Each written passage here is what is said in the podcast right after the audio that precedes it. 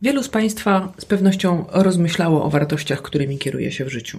Czy, a jeśli tak, to jaki wpływ mają one na nasze życie zawodowe? Czy w biznesie jest na nie miejsce? No i wreszcie, czy warto pisać o swoim osobistym systemie wartości na największym portalu biznesowym? Dziś zapraszam Państwa na rozmowę z Magdaleną Król, która przez wiele miesięcy pisała na LinkedInie o tym, o czym niektórzy boją się nawet mówić głośno. Rozmawiamy więc o bezkompromisowym podejściu do wartości, o zaufaniu, o poczuciu bezpieczeństwa, o przekraczaniu granic, ale też niezwykle ważnym momencie wybierania siebie. Poruszamy też temat roli HR-u w organizacji. Rozmawiamy o wspieraniu menadżerów w pracy, złotych kajdankach, ale też o samotności szefa. Serdecznie zapraszam.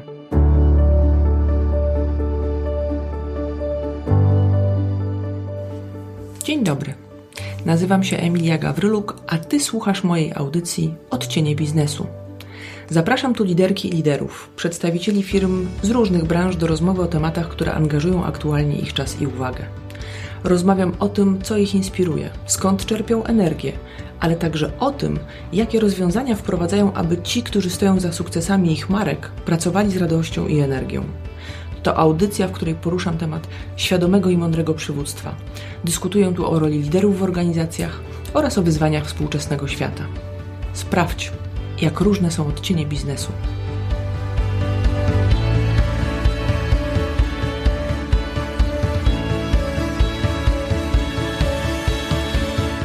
Dzień dobry. Witam w kolejnych odcieniach biznesu.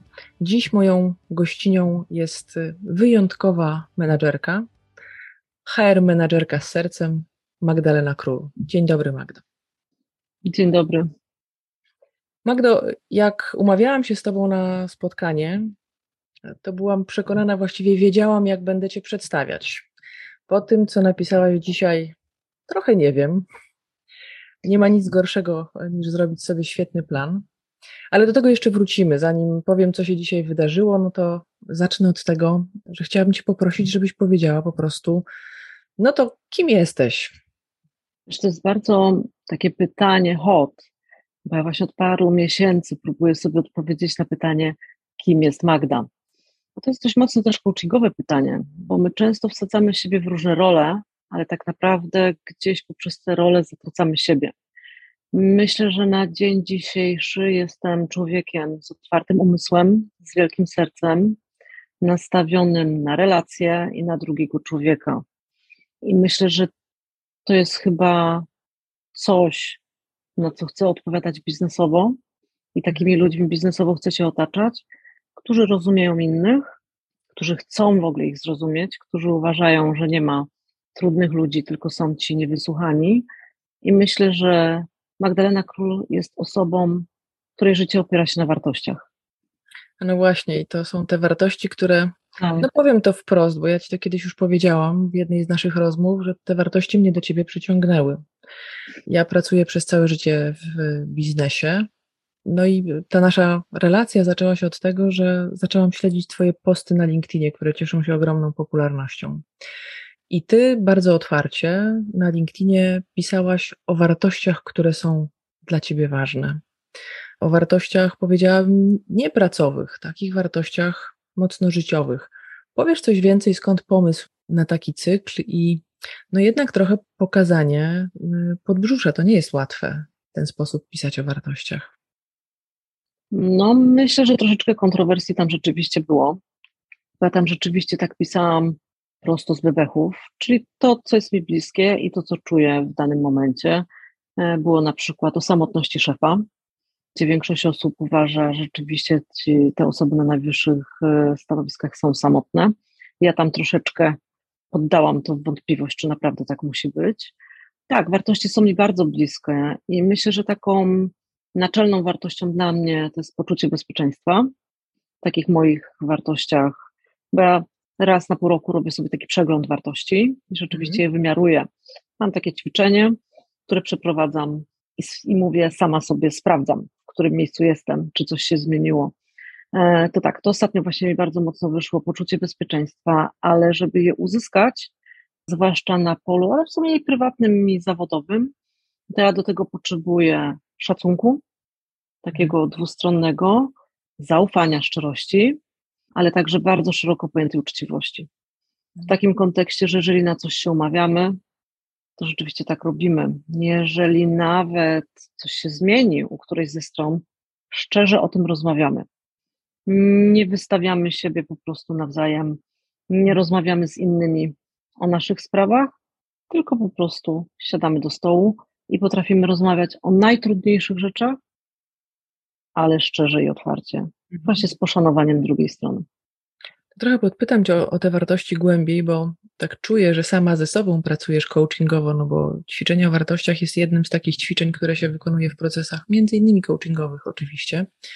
I to jest tak, że one jakoś diametralnie się zmieniają, czy jak mówisz, wartościuje, to jest trochę tak, że w różnych momentach Twojego życia są elementy, które są mniej lub bardziej ważne? Jak to jest?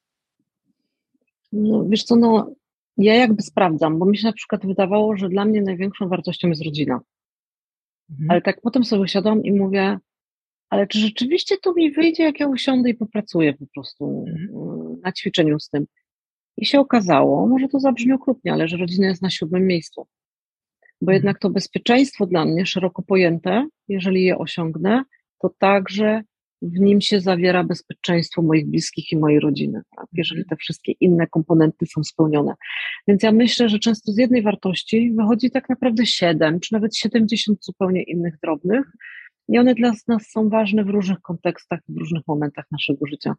Więc uważam, że warto raz na jakiś czas usiąść i się zastanowić nad tym, bo funkcjonujemy w różnych środowiskach. I jeżeli na przykład w związku opieramy się na różnych wartościach, to to nam nie wypali.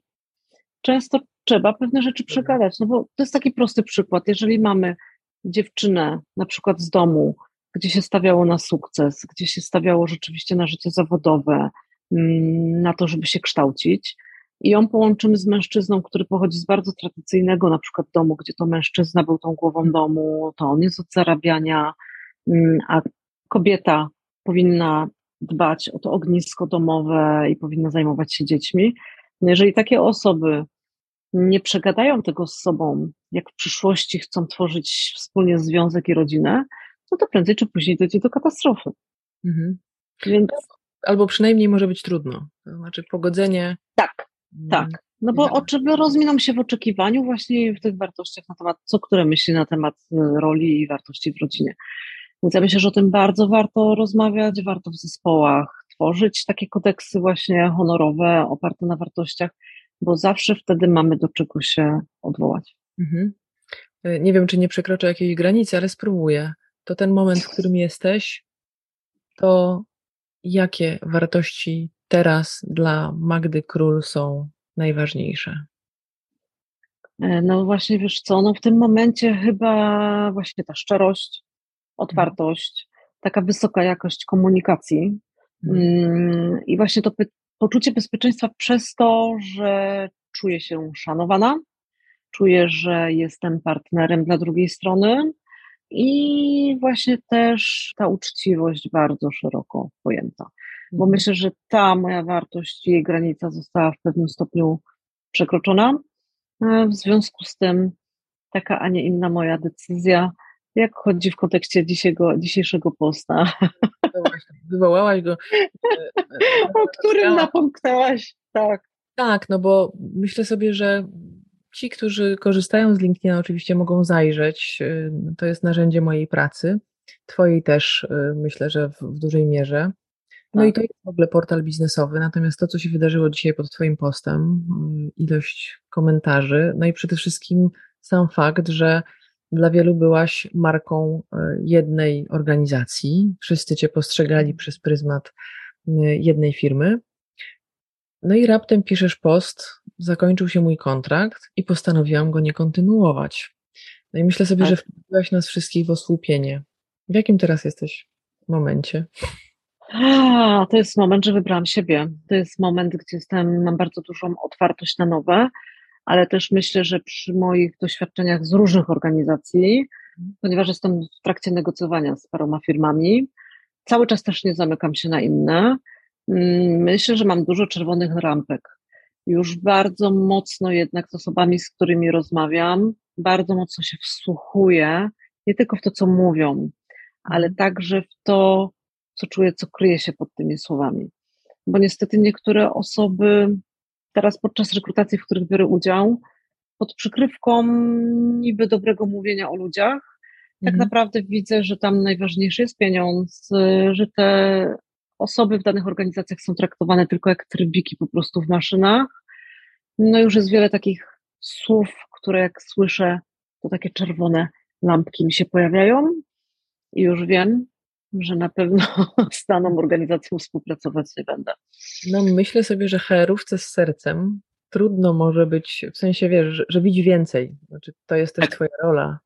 Ale to jest, y, myślę sobie, fajne doświadczenie. Ja też nie mam zbyt dużego w szukaniu pracy, szczerze mówiąc. Natomiast to musi być fa to fajne doświadczenie, jak, jak jest się z drugiej strony, tak? I jeszcze w takiej pełnej świadomości siebie i swoich potrzeb. Tak. To taki proces wyobrażam sobie może być ekscytujący. Ja zresztą sama, co też nie jest tajemnicą, jestem po e, zmianie po 10 latach. No i to jest taki moment e, rzeczywiście, e, w którym zwraca się uwagę z dużo większą uważnością, człowiek przygląda się różnym elementom, pewnie o co innego pyta. No, pewnie też każdy wiek ma swoje prawa. Magda, to pójdźmy trochę głębiej. Będę Cię wciągać w tą rozmowę, bo mm, ja też pracuję dużo z osobami z HR-u i znam bardzo różne zresztą. Mm, wielokrotnie mówię, że trudno mi się czasem z HR-em rozmawia, bo to nie jest ten język, bo mam wrażenie, że nie do końca. Oczywiście trafiam też na cudownych HR-owców na szczęście, ale chciałabym, żebyś trochę opowiedziała o tym, jak pracuje HR-ówka z sercem. Czym się zajmujesz, jak pracujesz, co robisz, co jest w takim obszarze Twojej odpowiedzialności, Twojej ekspertyzy, bo trochę jej masz. Znaczy wiesz co, no ja akurat od wielu lat odpowiadam za HR miękki i twardy, czyli i te wszystkie rzeczy związane z kadrami, płacami, naliczeniami, czyli no to, co pracownikom się tak naprawdę należy, tak, czyli uczciwa płaca. I w tym obszarze właśnie zajmuję się widełkami płacowymi, nie wiem, ustawianiem kont analitycznych, żeby serducho móc... nie jest potrzebne. To, to nie jest serducho potrzebne, ale wiesz co, ale zawsze robimy to myśląc o człowieku, tak? Więc to jest z jednej strony, to jest jedna część procesu, a druga część procesu, no to są rekrutacja, szkolenia, rozwój pracowników, zarządzanie talentami, no i działania employer brandingowe, czyli to jest właśnie to, o czym wspominałaś, czyli takie ambasadorowanie mm, danej marce i po prostu pokazywanie, czym nasza organizacja jest, czym się cechuje, co u nas jest dobrego i fajnego, dlaczego warto do nas dołączyć. Mhm. Ty też powiedz, bo ja bardzo często, bo, bo, ja rzeczywiście, ja częściej pracuję z menedżerami, ale trafiam w różnych procesach na HR menedżerów. Mm. Mówię o menedżerach z biznesu. Mhm. Jaka jest rola, jakie ty masz doświadczenie jako HR menedżerka we współpracy, w kooperacji z, z biznesem? Znaczy wiesz co, no, moim zdaniem ci liderzy HR-ów, no to są tak naprawdę na styku. Czyli z jednej strony bardzo mocno musimy się wsłuchiwać w głos pracowników, zespołów i naszym zadaniem jest filtrowanie tego, co rzeczywiście uwiera organizację, albo co jest dobre i co powinno się kontynuować, co powinno się zmienić, ale też w taki mądry sposób, bo niestety w wielu organizacjach ludzie są bardzo roszczeniowi mm, i mają bardzo duże oczekiwania, bo tak naprawdę nie wiedzą, jak może być gdzie indziej, nie mhm. wiedzą, ile dobrego tak naprawdę mają a z drugiej strony no to jest biznes, tak? Czyli to są nasze zarządy, no i my cały czas musimy pamiętać, że my jednak realizujemy jakąś strategię biznesu i my mhm. jesteśmy na tym styku i my jakby uważam, że jesteśmy takim przekaźnikiem między jednymi i drugimi i powinniśmy to równoważyć i dbać o dobro dwóch stron. Mhm. No ale tak naprawdę nigdy nie wolno nam tracić z oczu biznesu i tych głównych założeń, no bo bez tego, bez sprzedaży tak naprawdę, no nie będziemy mogli robić dobrych rzeczy dla zespołów organizacji. Tylko jak nie ma pieniędzy, to nie bardzo jest też jakby Dokładnie. Dzielić, tak? Więc ten biznes jest kluczowy. Ale powiedziałaś o ważnej rzeczy, bo powiedziałaś o tej rzeczy, która też trochę edukuje pracowników. No właśnie, co można, w jaki sposób realizacja twardych KPI-ów przekłada się później na wzrost tak rozwojowe w firmie. Ty zresztą, z tego co wiem, wysoko pracowałaś w strukturze, bo raportowałaś bezpośrednio do mm, zarządu, więc to już też odpowiedzialna funkcja i rozumiem, tak. że w dużej mierze zarządzałaś HR-owo całą organizacją. Wiesz co, zarządzać, bardzo nie lubię tego słowa. Ja też, wiesz, jak to mówię, to uważam, za każdym razem się łapie. Nie, nie, ja uważam, że ja jestem zawsze częścią zespołu. Bardzo mnie zawsze raniło, jak ktoś mi przedstawia jako swoją szefową czy przełożoną. Po prostu mnie te słowa fizycznie wręcz mi sprawiają ból. Mm, ja Ci powiem, że jestem na pewno bardzo dumna z takiej współpracy z menadżerami, z dyrektorami mhm. mm, z innych pionów, bo takim niebywałym komplementem każdorazowo dla mnie było, jak oni mnie obdarzali zaufaniem i przychodzili do mnie i omawialiśmy różne kwestie, które gdzieś ich czy bolały, czy to były rozmowy nawet o emocjach, które im było ciężko wyrażać, czy to nawet były przygotowania do bardzo trudnych zadań, typu, nie wiem, no, mieliśmy taki czas, że musieliśmy część zespołu zredukować mm, w czasach pandemii. E, to były bardzo trudne momenty i było trzeba do tego się przygotować perfekcyjnie, rzeczywiście, żeby to obsłużyć na jak najwyższym poziomie i z taką godnością dla drugiego człowieka. Mm, no i oczywiście menadżerowie i dyrektorzy na początku byli twardzi, no ale wiesz, jeżeli masz usiąść jednego dnia, zwolnić 6 czy 8 osób, no to jest trudno potem zadbać o siebie, o swoje emocje, więc to są bardzo trudne momenty i mówię, bardzo czułam się zaszczycona tym, że oni przychodzili do mnie o wielu, wielu rzeczach, ze mną rozmawiali, przygotowywaliśmy się do wielu właśnie prezentacji, wystąpień, czy nawet ich rozmów z ich po prostu zespołami. Niejednokrotnie ze mną się do tego przygotowali, więc cieszyło mnie to, że oni rzeczywiście mają taką świadomość, że mogą korzystać z tej pomocy, że oni już czasami zdają sobie sprawę, że no nie zawsze nazwa stanowiska oznacza, że oni posiadają wszelkie kompetencje, że jednak te kompetencje namawia, nabiera się wraz z doświadczeniem i po prostu, że oni mają prawo też być zaskoczeni jakąś sytuacją. Oni nie muszą od razu wiedzieć wszystkiego. Ja też nie wiem wszystkiego. Ja też czasami po prostu czuję, że muszę powiedzieć, wiesz co, ja się muszę nad tym zastanowić. Albo mhm. wiesz co, ja nie wiem. Wiesz co, daj mi, daj mi, nie wiem, godzinę, dwie, ja muszę to przemyśleć, tak? Albo wiesz co, sprawdzę. Albo zapytam się kogoś mądrzejszego. Ja myślę, że na tym polega też nasza rola. Wiesz, ja myślę sobie, że mm, to z jednej strony pozazdrościć też dojrzałości ludzi, z którymi pracowałaś, bo mm, ja też pracuję z menedżerami. Ja bardzo często pomagam menedżerom, w, staram się przynajmniej wspierać menedżerów w tym rozwoju, właśnie też tych umiejętności miękkich, które tak ważne stały się między innymi w pandemii. To tam żeśmy zauważyli, że no właśnie, nie musimy być sami, bo to pięknie o tym powiedziałaś właśnie, czy menedżer musi być sam. Ja wielokrotnie pracując również z zarządami albo z menedżerami wyższego szczebla, to się pojawia wręcz jak mantra wielokrotnie. Im jestem wyżej, tym jestem bardziej samotny. Tam jest mhm. coraz trudniej emocjonalnie. Tak wybrzmiała ta rola HR-ówki z sercem, e, czyli tej osoby, do której rzeczywiście mogę przyjść i dostanę wsparcie też na poziomie emocjonalnym, ale też bardzo praktycznym, tak? W jaki sposób e, tak. w sytuacji mogę sobie poradzić. Ja nie wiem na ile, bo nie uprzedzałam Cię o tym, ale tak pomyślałam sobie, że jak rozmawiamy o menedżerach, to trochę dotykamy jednak przywództwa. No i Ty znasz bardzo wiele firm, znasz ludzi, brałaś udział i rekrutowałaś ludzi do, do wielu organizacji. Powiedz mi, jak byś określiła przez pryzmat swoich doświadczeń i tego, co wiesz, znasz, yy, widziałaś, jak byś określiła jakość przywództwa w Polsce? Wiem, że tak z dużego obrazka Cię pytam, ale ale. Wiesz co, ja myślę, że tak naprawdę nie wiem, czy możemy mówić tak z lotu ptaka. Hmm. Bo ja myślę, że co organizacja, to tak naprawdę możemy znaleźć i osoby skrajne, niedobre, złe, które nie powinny tak naprawdę pracować na takich stanowiskach, na jakich pracują, albo powinny gruntownie zostać po prostu przeszkolone. A mamy też osoby, które są na przykład samoukami i po prostu no, mają taki wewnętrzny po prostu pęd, nie wiem, do wiedzy, do ludzi, że potrafią przenosić góry, mają charyzmę, potrafią zainspirować. Więc ja myślę, że to jest bardzo trudne pytanie, bo ja nie widzę jakichś wielkich deficytów przywództwa mm, na wysokich stanowiskach w naszym kraju. Ja myślę, że to wszystko pomału się rozwija, że w jakie środowisko byśmy nie spojrzeli, w jaką branżę, to zawsze znajdziemy ludzi takich i takich, takich, którym się chce, takich, którym się nie chce takim, którzy mają przysłowiowy kij w dupie i wszystkich traktują z wysokiego C i uważają, że są nie Bóg wie kim, bo są, nie wiem, dyrektorem, menadżerem, prezesem, tak? A mamy takich, którzy potrafią pomóc worek ze śmieciami znieść pani sprzątającej po schodach mhm. na dół, chociaż jest się prezesem. Więc ja myślę, że to dużo jest takiej kultury pokory, którą się wynosi z domu, że to jest dużo takich rzeczy, których my sami chcemy się, nie wiem, nauczyć i tak, jacy chcemy tak naprawdę być, jacy jesteśmy. Czasami może ktoś się chcieć tylko pokazać, tak? Przecież, nie wiem, na LinkedInie też czasami się zdarza, że ludzie budują swoją markę, pokazują nie wiadomo co, a mhm. potem spotkasz ich w rzeczywistości i się okazuje, jeju, no kompletnie ten obraz, no ja w kilku przypadkach byłam, tak, ja w kilku przypadkach byłam osobiście zszokowana, po prostu jak usłyszałam wypowiedzi jakichś osób, które są naprawdę takimi influencerami LinkedInowymi i gdzieś spotkałam w jakichś takich sytuacjach właśnie, nie wiem, korytarzowych, kuluarowych i po prostu byłam e, przerażona, ile tam pod spodem kryje się takiej złości i po prostu nieprzepracowanych rzeczy. Ja mówię, nie, nie, nie.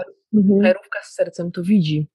Natomiast myślę, że mogę zdradzić, że my się nie znamy w live, w sensie, no, czy nigdy. No właśnie nie, no czekam aż się poznamy. Właśnie, właśnie tak, no, przed nami to poznanie to całkiem niedługo ze względu na szczyt, tak. w którym obydwie zdecydowałyśmy się wziąć udział i wtedy mhm. będzie okazja, więc my też jesteśmy tylko, czy znamy się z okienek i, i z telefonu. Tak. Nie chciałabym, żebyś jakoś źle odczytała to pytanie, ale no masz już kilka lat doświadczeń w HR-ze, nie będę wyciągać to, ile to jest tych lat doświadczeń, jest ich trochę. Myślę sobie, że możesz bardzo świadomie mówić o i przyglądać się i wyciągać wnioski z tego, co się zmienia. Co się według Ciebie zmieniło w przeciągu ostatnich kilku lat, bo ten okres pandemiczny, on był dość szczególny i różne firmy różnie przez niego przechodziły. Myślę sobie, że no, były branże, które wygrały szóstkę przysłowiową w Totka, ale były też takie, które rzeczywiście musiały podejmować trudne decyzje to chciałabym Cię zapytać, jak ta rola HR-owca w organizacji mm, przez pryzmat Twoich doświadczeń się zmieniła? Co, e, moim zdaniem rzeczywiście rola HR zyskała na znaczeniu. Mhm. E, że nagle się okazało, że ten biznes, KPI, te wszystkie wyniki, one są bardzo ważne, ale jednak troszeczkę powinniśmy zacząć rozmawiać o emocjach. I Tutaj była według mnie bardzo duża rola HR. No pandemia wiadomo, to było dużo przepisów, tarcz antykryzysowych, różnych rzeczy takich twardych, które było trzeba bardzo mocno zaopiekować, no ale tam wyszły bardzo duże lęki, stresy ludzi. No i tutaj po prostu HR tak naprawdę był niezbędny. Ja myślę, że w tym czasie HR wreszcie zyskał rolę partnera teraz zarządu. I wreszcie myślę, że w wielu firmach uzyskaliśmy bardzo ważny głos mm, i zyskaliśmy na znaczeniu, że zaczęto nas trochę poważniej słuchać, bo ja mam wrażenie, że kilkakrotnie w różnych organizacjach, jak mówiłam o różnych zagrożeniach, o rzeczach, które wymagają jakiejś poprawy, zastanowienia się, przyjrzenia się, ponieważ możemy, nie wprowadzając jakiejś zmiany, stracić ludzi. Nie wiem, mi na przykład w wielu organizacjach bardzo doskwierała duża rotacja. Uważam, że rolą HR-u jest właśnie powstrzymywać tę rotację i stwarzać takie warunki dla zespołów, żeby oni chcieli w danej organizacji pracować jak najdłużej, ale nie na zasadzie złotych kajdanek, bo wiele organizacji po prostu zakłada złote kajdanki, tak? Płacą takie pieniądze, że ludzie boją się po prostu zmienić pracę, a bo tam nie dostanę więcej, a bo tutaj już jest to, co znam. Takich ludzi nie chcemy w organizacjach. Uważam, że oni nie sprzyjają, znaczy ja uważam, że takie osoby nie sprzyjają po prostu rozwojowi. Tak? A jeżeli chcemy mieć naprawdę talenty, które są zaangażowane, przynoszą nam nowe pomysły, mm, mają to takie poczucie sprawczości, tak? chcą działać, chcą dobrze dla organizacji, to oni potrzebują powodów do dumy. Oni chcą pracować w organizacjach z krwi i kości, gdzie będą traktowani rzeczywiście po partnersku i z szacunkiem. Gdzie będą mieli poczucie wpływu na przykład. Tak, tak? dokładnie, poczucie sensu. Będą znali to na słynne why, tak? Po co ja to robię?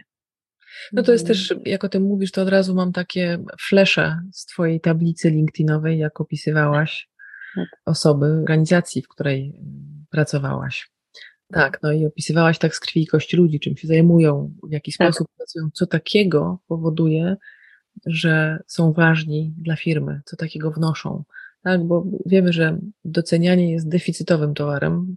Myślę, że mogę Bardzo. powiedzieć w Polsce, bo jak rozmawiam, właściwie z kimkolwiek bym nie rozmawiała, to jak się zadaje takie pytanie, a czy ty, jak ktoś zrobi coś fajnie, nawet w takiej bezpośredniej relacji, nie wiem, pani w banku, pani w sklepie, czy dziękujesz za dobry serwis, czy na ile ten mm. taki możliwości jest wyrażony. No i bardzo często ludzie mówią, ty wiesz, że nie, że to takie oczywiste, że jak ktoś się dobrze zachował, to wtedy chyba nie trzeba. Mm, ja zaczęłam swego czasu ćwiczyć, właściwie wdrażać u siebie takie ćwiczenie, żeby dziękować ludziom za dobrze zrobioną pracę. Mhm. Szkodzi, że ona do nich należy, ale nie wszyscy robią ją dobrze. I to jest niesamowite, jak to działa. To znaczy, to jest w ogóle magia e, relacji. Tak jak powiedziałaś o sobie, herówka z sercem, o tym, że blisko ludzi ci ludzie potrzebują. No ta pani, przepraszam, czy ona jest w kasie, czy gdziekolwiek w banku, ona obsługuje dziesiątki ludzi. No i teraz mogę sobie wyobrazić, rozumiem, że ona ma to wszyte, że ona powinna się uśmiechać, powinna być sympatyczna, szybko, sprawnie, w ogóle wszystko powinna tip-top robić, ale znowu ona na końcu jest człowiekiem, to znaczy jest tą osobą, która mierzy się z, z, różnymi trudnościami i z różnymi wyzwaniami, problemami innych ludzi bardzo często i swoimi własnymi w ramach organizacji. Mm -hmm. I ten moment, kiedy się mówi, bardzo dziękuję, doceniam to, co pani zrobiła i tak dalej, to jest niewiarygodne. To w ogóle jest, jak ci, się, jak ci ludzie się zapalają, jak zaczynają się, wiesz, błyszczą im oczy, uśmiechają się, to jest niesamowite i myślę sobie, że tą życzliwość powinniśmy sobie też dawać w tych prostych sytuacjach, ale też w pracy ludziom, z którymi pracujemy, przecież niecodziennie pracujemy w tych zespołach, najczęściej jest nam fajnie, bo mamy to sprawdzone, mm. dobrze nam jest, ale jak już wychodzimy na zewnątrz i te relacje między y, zespołami w organizacjach już nie zawsze wyglądają tak dobrze, no bo mm. czasami się tak może zdarzyć i ta rzeczywistość, którą znam jest taka, że nie zawsze to, co służy mojemu zespołowi będzie po drodze tym obok. Tak dalej. wiesz, właśnie nie możemy tracić celu, tak, z oczu, bo my wszyscy tak naprawdę powinniśmy grać do jednej bramki, mhm. bo cel mamy ten sam. To prawda. Słuchaj, y, jakie cechy powinien mieć HR-owiec na te obecne czasy? One nie są łatwe. Myślę sobie, że jak się otwiera strony internetowe z wiadomościami, no to myślę sobie, że wszyscy czujemy taki delikatny powiew, już nie delikatny inflacji, ale delikatny powiew mówienia o tym, że idzie kryzys, że zbliża się mhm. recesja, że PMI spada i on naprawdę od wielu, wielu lat nie był aż tak nisko, a cały czas w Polsce mówi się, że mamy trudność ze znajdowaniem dobrych ludzi do pracy. Jakie cechy powinien mieć HR-owiec na obecne czasy, Magda? Znaczy wiesz co, hmm, ja mam takie powiedzenie, że sufit menadżera jest sufitem jego zespołu. Więc Pierwsze, co to rozwój, tak? Czyli my każdego dnia powinniśmy być lepsi od swojej wersji z dnia poprzedniego. Tak, nam nie wolno po prostu siadać na laurach i w pewnym momencie powiedzieć, ja już wiem wszystko, w ogóle jestem niezastąpiona, beze mnie firma by umarła. Nie. My, takim uważam, że naszym obowiązkiem jest się rozwijać, tak? I to naprawdę w każdej dziedzinie. Ale myślę, że najważniejsze, co powinien szlifować każdy lider HR-u, to są rozmowy z zarządem.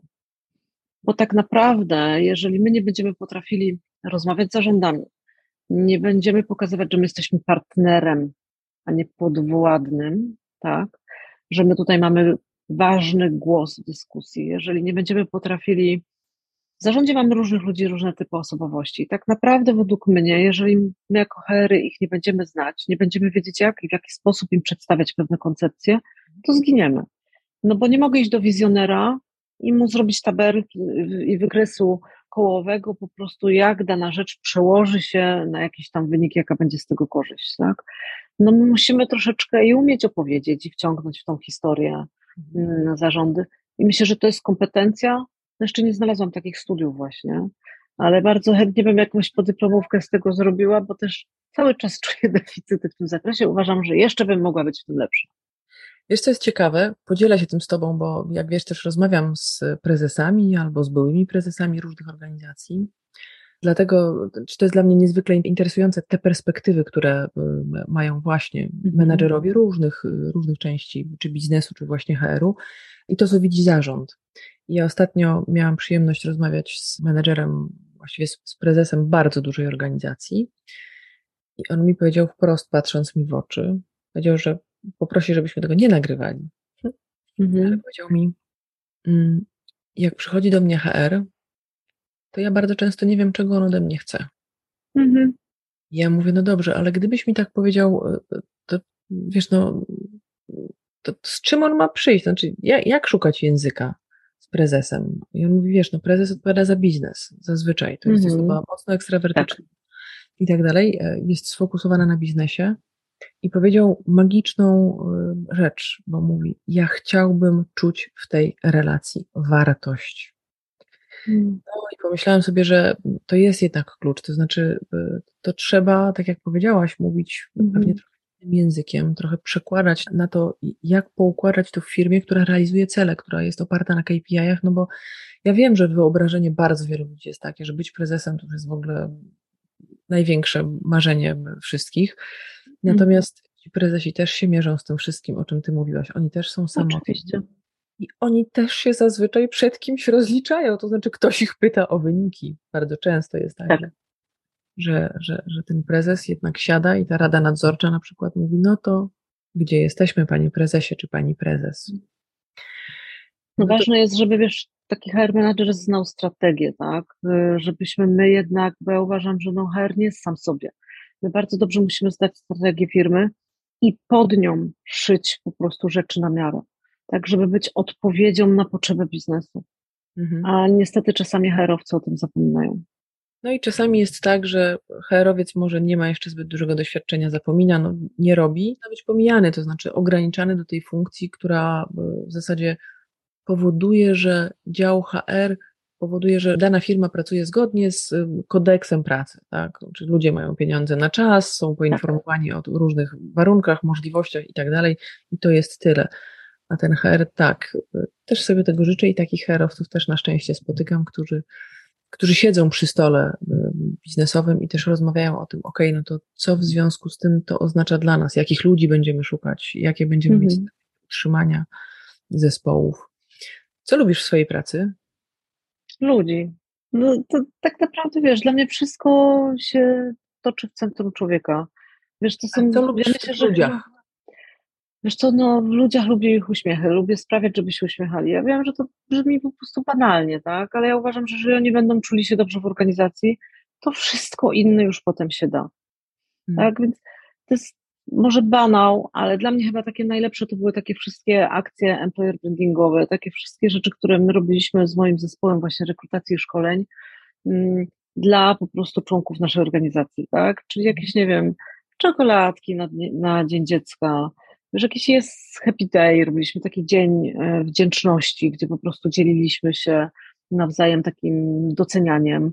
Mm, to myślę, że to były te wszystkie rzeczy, które powodowały, że moje serce rosło. Mam takie poczucie, że jest, ok, coś zrobiliśmy takiego fajnego dla ludzi, że oni poczuli, że są dla nas ważni. Że obojętnie jakiej roli by ten człowiek nie miał w naszej organizacji, każdy jest dla nas ważny, tak? HR pamięta o każdym, i my chcemy, żeby tobie tutaj było dobrze. Może czasem coś nam nie wychodzi, ale naprawdę my mamy bardzo dobre intencje i tylko powiedz nam, co jeszcze byśmy mogli dla ciebie zrobić. Ja myślę, że to jest to, co mnie napędza do działania. Znaczy ja dobrze czuję, bo nie powiedziałaś tego wprost, ale czy te wszystkie inicjatywy, o których powiedziałaś, to one jakby kiełkowały w Twoim zespole, w sensie wychodziły jako tak. propozycje z heru? Tak, bo ja się tak przyznam zupełnie szczerze, tak, że jestem takim szalonym wizjonerem.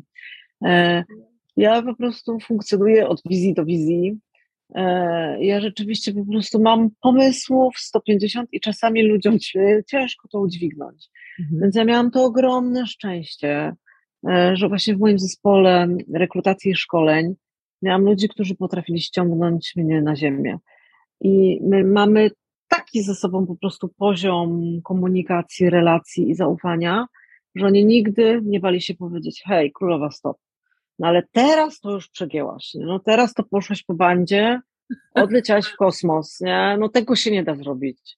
Albo to już jest, to jest, to jest, to jest, ale bez problemu. Nie, nie, bez problemu. Ja myślę, że nie mieli w ogóle odczucia, że ja jestem ich szefową.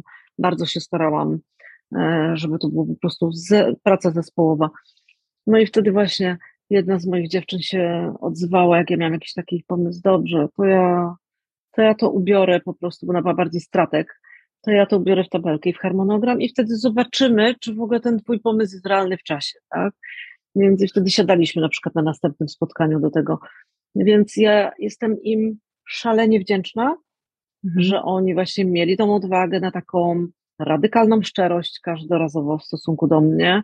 I jak ja już byłam w tej wizji, ja już widziałam, jak ludzie będą się czuć, w ogóle jakie to wspaniałe, cudowne, Oni potrafili tak powiedzieć, ej, ale weź na chwilę się zamknij i nas posłuchaj, nie? Mówię, no okej. Okay. Ja wtedy tak sobie przycupnęłam, głowę w dół i mówię, no dobra, słucham pokornie, w którym momencie znowu przygięłam. Mm, I uważam, że to jest ważne też właśnie dla każdego lidera, żeby słuchać swojego zespołu. My naprawdę nie zjedliśmy wszystkich rozumów. My naprawdę otaczajmy się mądrzejszymi od siebie.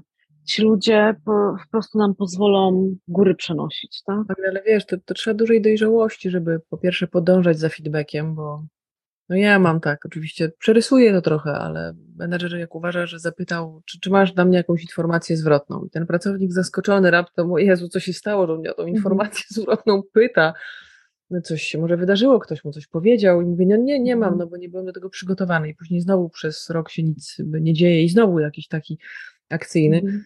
E, e, no to trudno jest dostać, a taki świadomy menedżer jednak podąża za informacją zwrotną, wiesz, no to, to, to się wiąże z tymi elementami wartości, o których mówiłaś, które są dla Ciebie ważne, czyli budowanie bezpiecznego środowiska, zaufania, tego, że ludzie mogą Ci powiedzieć, chociaż ja Ci powiem szczerze, nigdy Ci tego nie mówiłam wcześniej, bo też mam takie poczucie, że w tej rozmowie trochę też skracamy ten dystans, ale jak zobaczyłam, że menedżerka poważnej, dużej firmy, która kilkaset osób zatrudnia, pisze na LinkedInie cykl i nazywa go Value of the Queen. To jest też tytuł no tak. naszego no nazwisko, nazwisko zobowiązuje. Ale wiesz, no, trzeba mieć jednak trochę dystansu do siebie. Czy naprawdę, bo muszę ci powiedzieć, że mhm. nie mówiłam ci go wcześniej, ale szacun. To znaczy na, naprawdę czuło się i wiesz, każda ta historia, ona też pokazywała kawałek ciebie, Magda i yy, no wiesz, to, to jest takie mm, strzewi, takie prawdziwe, to znaczy takie mhm. walk the talk, no po prostu, tak, tak jest, taka jestem i no po prostu, z dobrodziejstwem inwentarza. Znaczy, mam, duży dostan- mam duży dystans do siebie, taka jest prawda, wiesz, chociaż to jest takie, że podobno jak mnie ludzie poznają, mm, to ja podobno na początku stwarzam taki dystans. Stwarzasz. Że jestem taka, że taka jestem, wiesz, taka trochę cyborgowata podobno.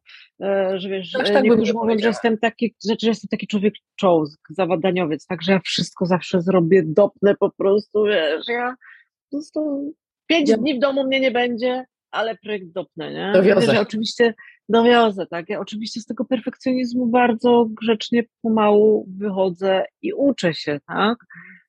Mam jeszcze czasami potknięcia, wiadomo, ale uczę się, słucham, i właśnie myślę, że ten feedback, ta historia o feedbacku to jest też na tyle ważna, że to, co ja opowiedziałam, to już był ten końcowy efekt, ale droga do tego rzeczywiście była trudna i wyboista, bo zanim ja tak naprawdę członkom swojego zespołu zaczęłam dawać feedback, ten negatywny, bo pozytywny to wiadomo, zawsze jest mile widziany. W ogóle, że pamiętałaś, ale, że trzeba chwalić, tak, wiesz, doceniać. No, tak, to, to tak, to tego dużo robię, aż czasami podobno przesadzam i ludzie się czują skrępowani. Nie, nie dopuszczam, że można przesadzać w tym, ale okej. Okay. Ale ten negatywny to ja uczyłam mój zespół tak, że dopóki oni mnie nie zaczną negatywnie feedbackować, to nie usłyszą nic negatywnego ode mnie, bo to znaczy, że nie są jeszcze gotowi. Pokażą ci konstruktywnej krytyki.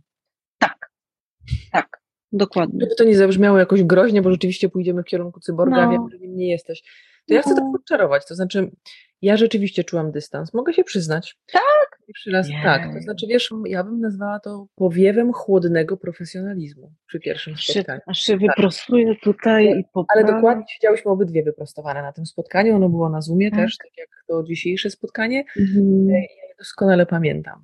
I też pamiętam, wiesz, oczywiście to, to się dzieje też w interakcji między ludźmi, ale ja miałam takie poczucie, że jesteś taką bardzo dobrze przygotowaną profesjonalistką, z chłodnym dystansem, ale też, wiesz, z miejscem na small talk było przyjemnie i profesjonalnie, ale to nie było tak, że ja e, natychmiast właśnie się wdzwoniłeś i powiedziałam, o pyk, fajna pani, -hmm. będzie się porozmawiać.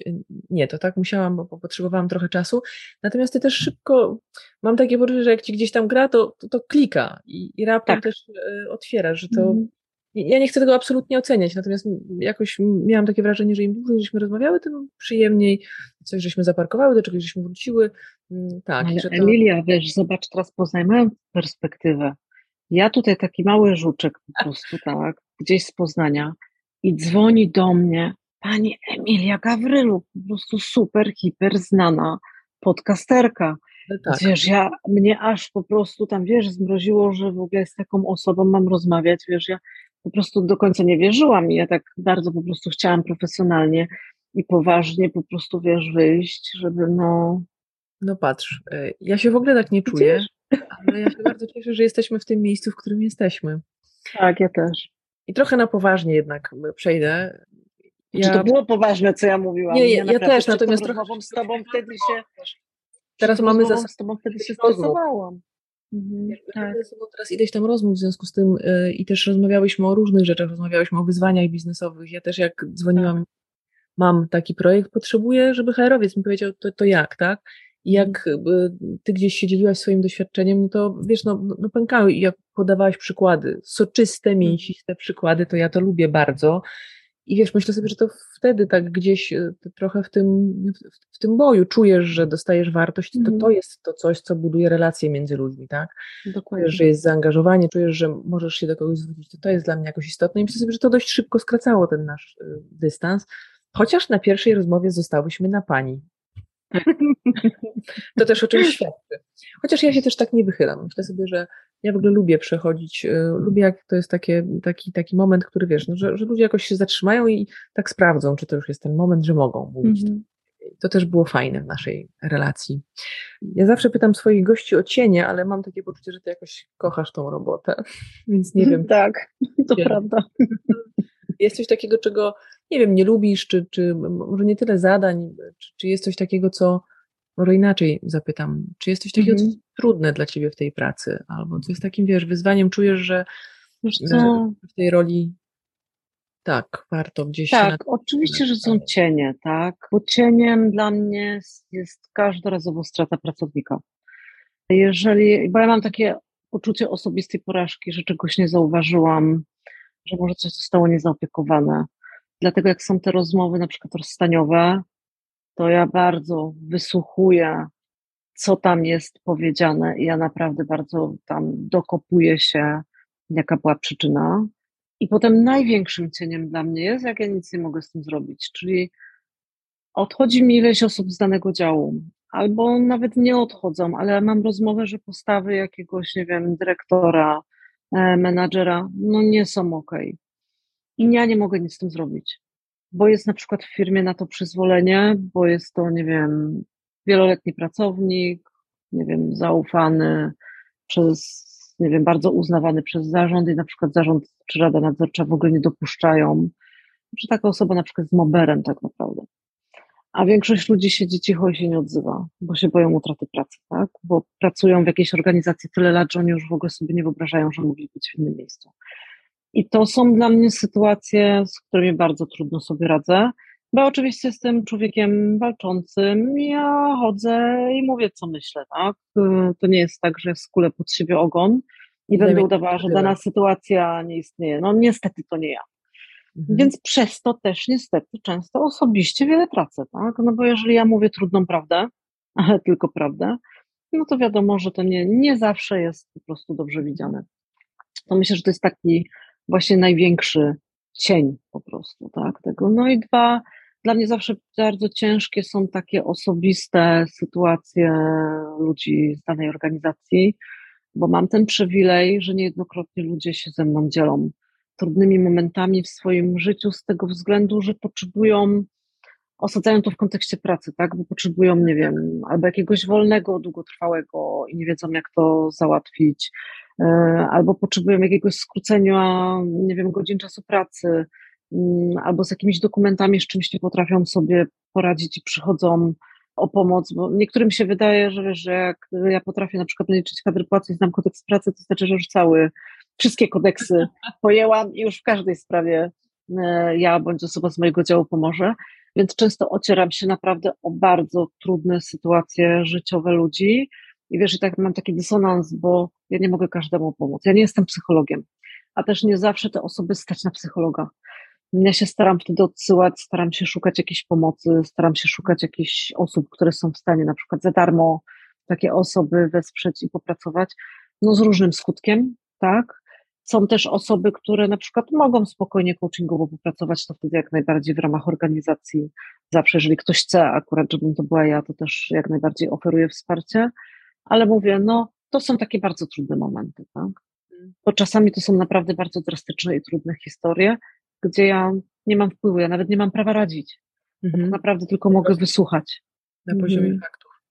Tak. No, druga strona medalu na szczęście jest taka, że też dostajesz y, bardzo dużo pozytywnych informacji, bo one też przez HR płyną. Tak. Takie narodziny, wszystkie tak, dużo jest takich rzeczy, cudowne tak. momenty y, w życiu ludzi, y, którzy pracują w danej organizacji. No tak, ale, ale to są i blaski, i cienie. Dotknęłaś exit interview. Ja nie ukrywam, że ja mam trochę mieszane uczucia, to znaczy, to wiesz, tak jak ze wszystkim, to znaczy można mm -hmm. powiedzieć, klepnąć kogoś po plecach i powiedzieć, ach, dobra robota i uznać, że mhm. doceniłem pracownika. I pewnie można robić e, słabe i dobre exit interview. Ty powiedziałaś przed chwilą, że starasz się wyciskać na maksa z tych rozmów. Powiedz mi, no bo też wspomniałaś o tym, że czasami nie możesz nic z tym zrobić. Chciałabym trochę Cię podpytać o to narzędzie. Czy ono rzeczywiście, czy czujesz, że w Twojej pracy, no bo pewnie przeprowadziłaś przynajmniej kilka takich rozmów, że to narzędzie dało Ci jakiś drogowskaz, y, jakoś Ci pomogło? Oczywiście na poziomie takim anonimowym, czy mogłabyś się posłużyć jakimś przykładem? Tak, mieliśmy w jednym dziale właśnie kilka odejść. Nie, nie chcę za bardzo mówić o wnioskach, bo to już za bardzo będzie tak. cechowało osobę, której dotyczyło, ale rzeczywiście chodziło o to, że jedna wysoko postawiona osoba w naszej organizacji no, nie była pozytywnie, jakby, no, pewne rzeczy nie były pozytywnie, mm, ale na poziomie faktów rzeczywiście postrzegane przez osoby, które od niej odeszły. I wtedy właśnie moja koleżanka z zespołu i ja przeprowadziłyśmy z tą osobą rozmowę. Taką bardzo życzliwą, z poziomu mhm. faktów, z takiego poziomu, że my jesteśmy zaniepokojeni i chcielibyśmy wiedzieć, co ona na to, czy możemy pomóc, czy możemy coś z tym zrobić. No i ci powiem, że byłam zszokowana reakcją tej osoby. No było całkowite wyparcie. Tak mhm. naprawdę było całkowite wyparcie i takie wręcz naskakiwanie, że tamte osoby nie były wartościowe i właściwie dobrze, że odeszły. I ja byłam w szoku. Mm, poznałam te osoby i wiem, że no, sytuacja wyglądała trochę inaczej. Po jakimś czasie, dzięki Bogu, ta osoba trochę doszła do rozumu, bo chyba, ja myślę, że może to był taki pierwszy szok po prostu i sobie przemyślała i potem zostały tam wprowadzone różne warsztaty i różne rozwiązania, ale uważam, że nie było to przeprowadzone tak głęboko, jak powinno być. A ja też nie jestem osobą, która by poszła do zarządu. Tak, mhm. ja uważam, że takie rzeczy załatwiamy między sobą. Tam już no nie wiem, co by się musiało po prostu dziać, żebym poszła to zgłosić, tak? A to już naprawdę by musiało być bardzo solidne jakieś tam naruszenia po prostu prawa. No ale mówię, no tak niestety czasami bywa, niektórzy potrzebują czasu i ja uważam, że no prędzej czy później przyjdzie taki moment, no, że będzie taka rotacja w danym obszarze, że no już to wszyscy będą tak widzieć, że coś będzie trzeba po prostu systemowo zrobić i nie będzie, że to tylko HR tam sobie tak po prostu opowiada. Mnie najbardziej w takich mm. sytuacjach, jak mówisz o odejściach, jak one są um, cykliczne albo jest ich dużo, to ja się naprawdę dziwię, bo to jest potężny koszt. Potężny. A, ze swoich oczywiście. klientów w jednym z projektów liczyliśmy koszt utraty pracownika w danym dziale, mając mm. absolutnie wszystkie dane. I to są kolosalne pieniądze. Tak. To w przypadku pracownika akurat działu, który był takim działem, powiedzmy, projektowo-sprzedażowym, to mhm. koszt utraty pracownika, zatrudnienia nowego, taki cały proces, to było w granicach 30 tysięcy wtedy, to już jakiś czas temu. Mhm. To są kolosalne pieniądze. Ja kiedyś pamiętam taki raport, gdzie no właśnie takie badanie było przeprowadzone i było mówione, że mniej więcej koszt utraty pracownika to jest sześciokrotność jego wynagrodzenia. No pewnie by się tam... To jest takie minimum. No. Mhm niesamowite, więc jakby wiesz, dbałość najpierw o ludzi, uczenia ich, rozmawiania i takiego mm, uświadamiania trochę, no bo też bardzo ładnie powiedziałeś, że trzeba, że, to jest czasami proces, no, że jesteśmy sobie tym przysłowiowym człowiekiem z liściem na głowie, coś słyszymy i mówimy, nie, o mnie? Nie, o nie, ja tak robię, nie, ja tak nie robię. Mhm. Trochę tak może być. No dobra, to jeszcze... To mogła być pierwsza, to na tak sobie potem tłumaczyłam, że to może była taka pierwsza, wiesz, obrona przez atak. Tak, to pewnie zaskoczenie, wiesz, że ktoś zwerbalizował tak. coś, co właśnie być może mm. zobaczył w soczewce różne zachowania i ale też potem było poddawane w wątpliwość nasze działania, że możemy tych exit interview jednak nie powinniśmy robić. No bo po co? Nie? Wiesz, ze mną exit interview nikt nie przeprowadził. No ale myślę sobie, wiesz, ty też Chyba powiedziałaś. Nie działa. No. No bo przede wszystkim exit interview to, jak rozumiem, robią HR-y, no to tak, tak. a druga rzecz, y, wiesz, jak się, jak rozmawiałyśmy i mówiłaś o tych swoich wartościach, to jednak mówiłaś dużo o otwartości. Spodziewam się tego, że, że to była bardzo konstruktywna, otwarta tak. rozmowa, o której powiedziałaś. No nie wyobrażam sobie, że będzie właśnie kończy mi się kontrakt, dziękuję uprzejmie, do widzenia. Mm. Tak, ja tego sobie tak nie wyobrażam. Magda, to podpytam Cię o jeszcze jedno narzędzie, które jakoś łączy mi się w sposób oczywisty z działem HR-u, chociaż w różnych organizacjach jest to bardzo różnie i e, dość często też e, szereg innych osób z różnych części firmy jest e, zapraszanych do procesów onboardingowych.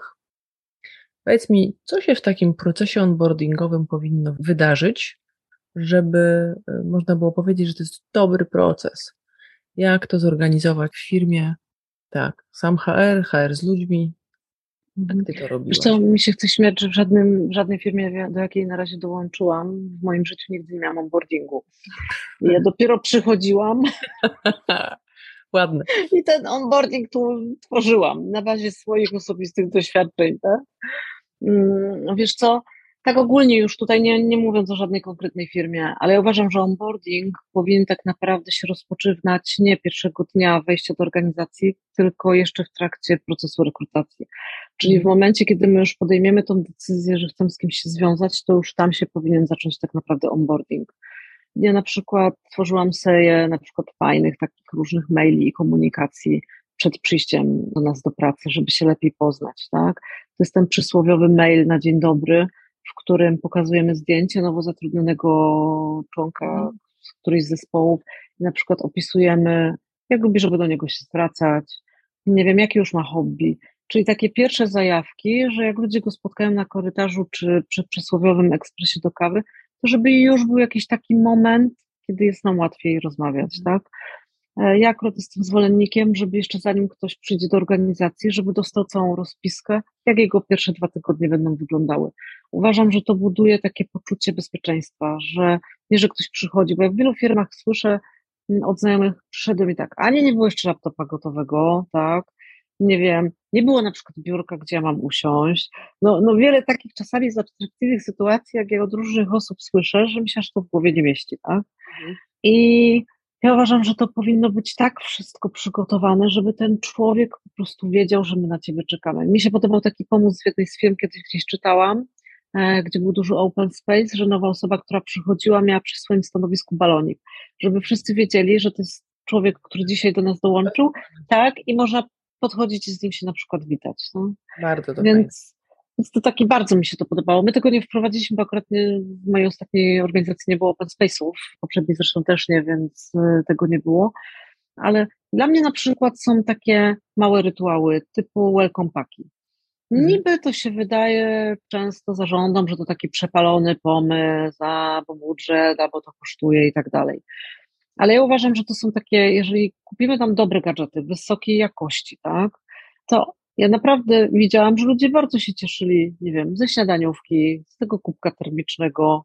Mhm. Mm, także takie jakieś drobiazgi już budują naszą kulturę i już pokazują te logo w pozytywnym kontekście. Ja mhm. wiedziałam, że ludzie bardzo, bardzo się naprawdę cieszyli tego typu rzeczy. Wiele osób mówiła, że w ogóle to jest naprawdę, pracowali już w ileś organizacjach, ale to jest pierwszy raz, kiedy dostali coś po prostu na dzień dobry, tak? Że czuli się właśnie miło przyjęci. Ale to to są wszystko tak naprawdę szczegóły, które tworzą taką piękną otoczkę i atmosferę, tak, czy to, nie wiem, obiad wspólny pierwszego dnia, czy jakaś wspólna kawa. Tak naprawdę uważam, że jest ważniejsze, żeby dany menadżer czy dyrektor danego zespołu stworzył tego dnia przestrzeń, na przykład, żeby wszyscy usiedli, żeby każdy coś o sobie opowiedział, żeby, nie wiem, wypić razem tą kawę i porozmawiać. I potem bardzo ważny jest, jak zaprojektujemy proces żeby rzeczywiście ta osoba w tych pierwszych dwóch czy trzech tygodniach, to wszystko zależy oczywiście od skomplikowania danej roli, na którą ktoś aplikował, żeby rzeczywiście tak zapoznać z tymi najważniejszymi rzeczami, żeby ta osoba miała takie łatwiejsze wejście. No, to jest... Od razu poczuła. Tak, częścią, tak. Mhm. Uruchomiłaś moje wspomnienie z pracy w Spetpolu wiele, wiele lat temu. Nie będę mówić ile, bo to już ile to lat temu było. Natomiast e, to jest niezwykle ciekawe, bo to oczywiście powiedziałeś kubek termiczny, to takie, takie elementy, które są elementami charakterystycznymi, wiesz, dla takich naszych współczesnych czasów, tak? Mhm. Teraz używamy, że one są modne, fajne, jeszcze są ładne, mhm. atrakcyjne wizualnie, to w ogóle.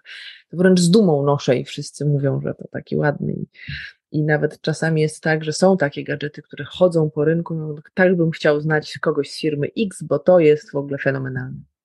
Mhm. mi się przypomniało i to zabrzmi banalnie, mm, ale to jest bardzo żywe i bardzo fajne wspomnienie.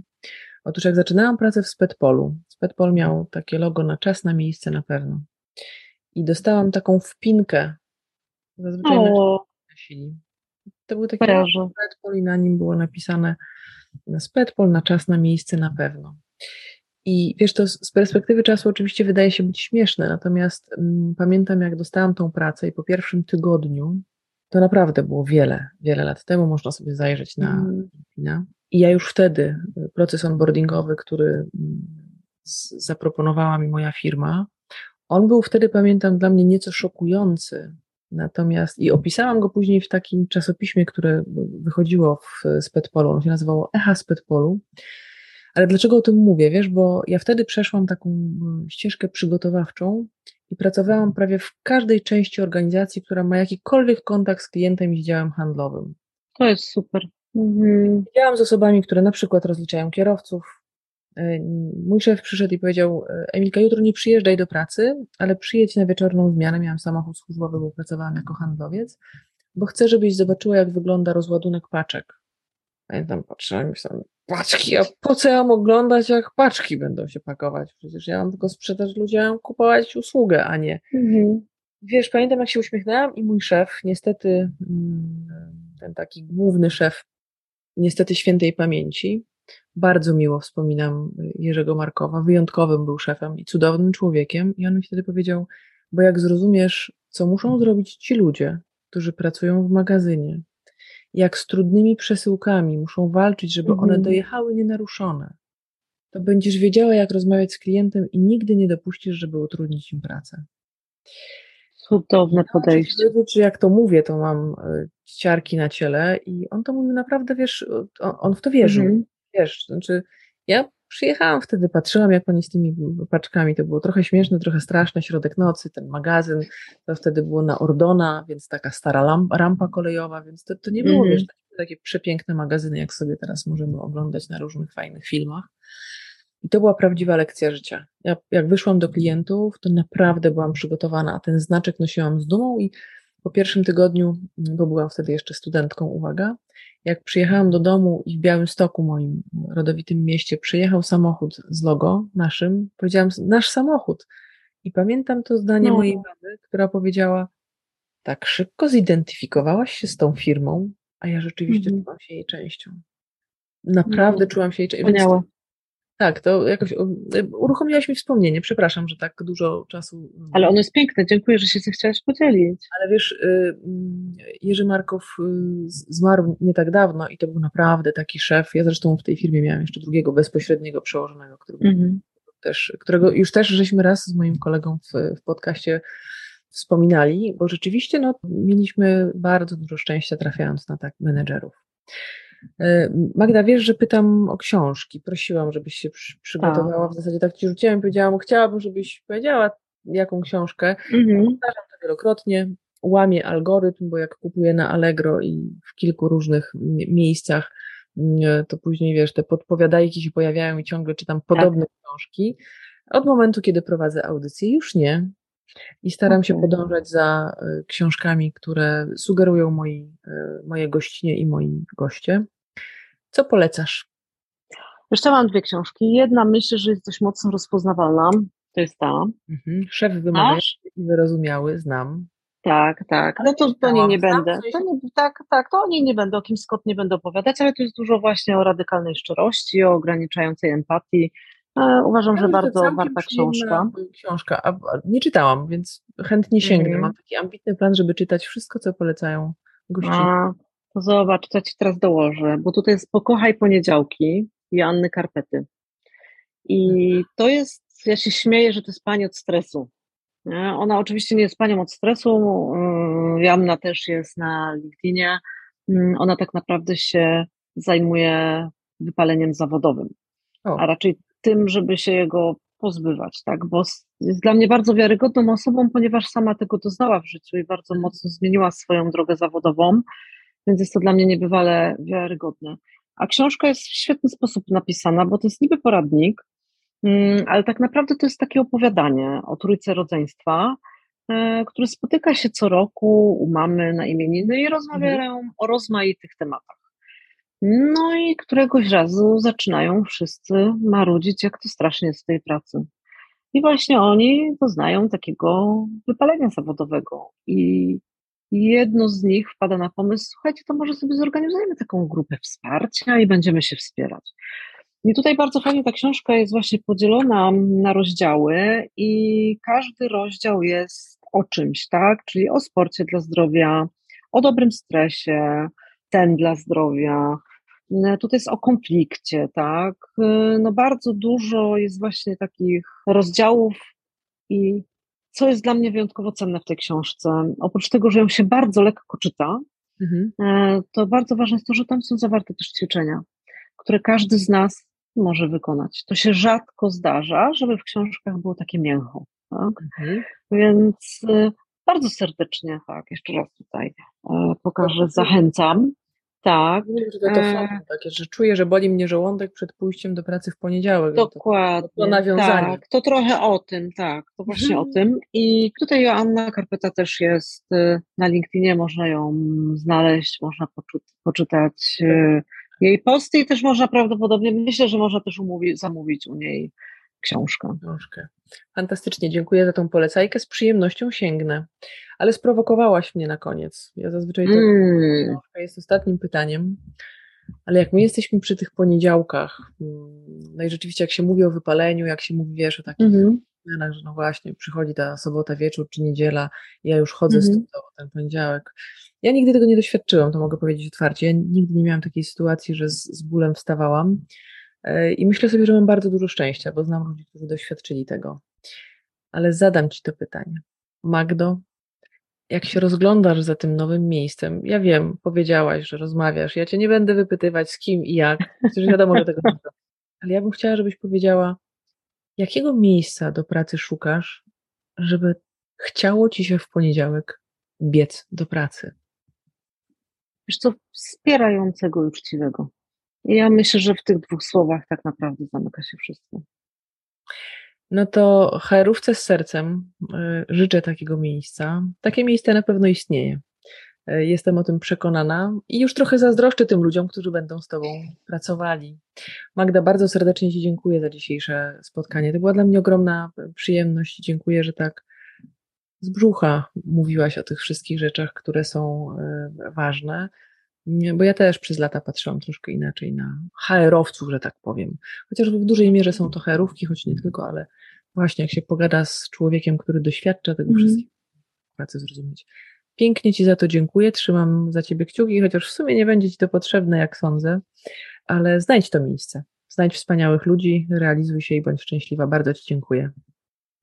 Emilia, Tobie też bardzo serdecznie dziękuję za zaproszenie. Naprawdę każdorazowo rozmowa z Tobą to jest ogromna przygoda intelektualna. Dziękuję Ci bardzo. Pięknie dziękuję, Magdo. Do zobaczenia. Do zobaczenia.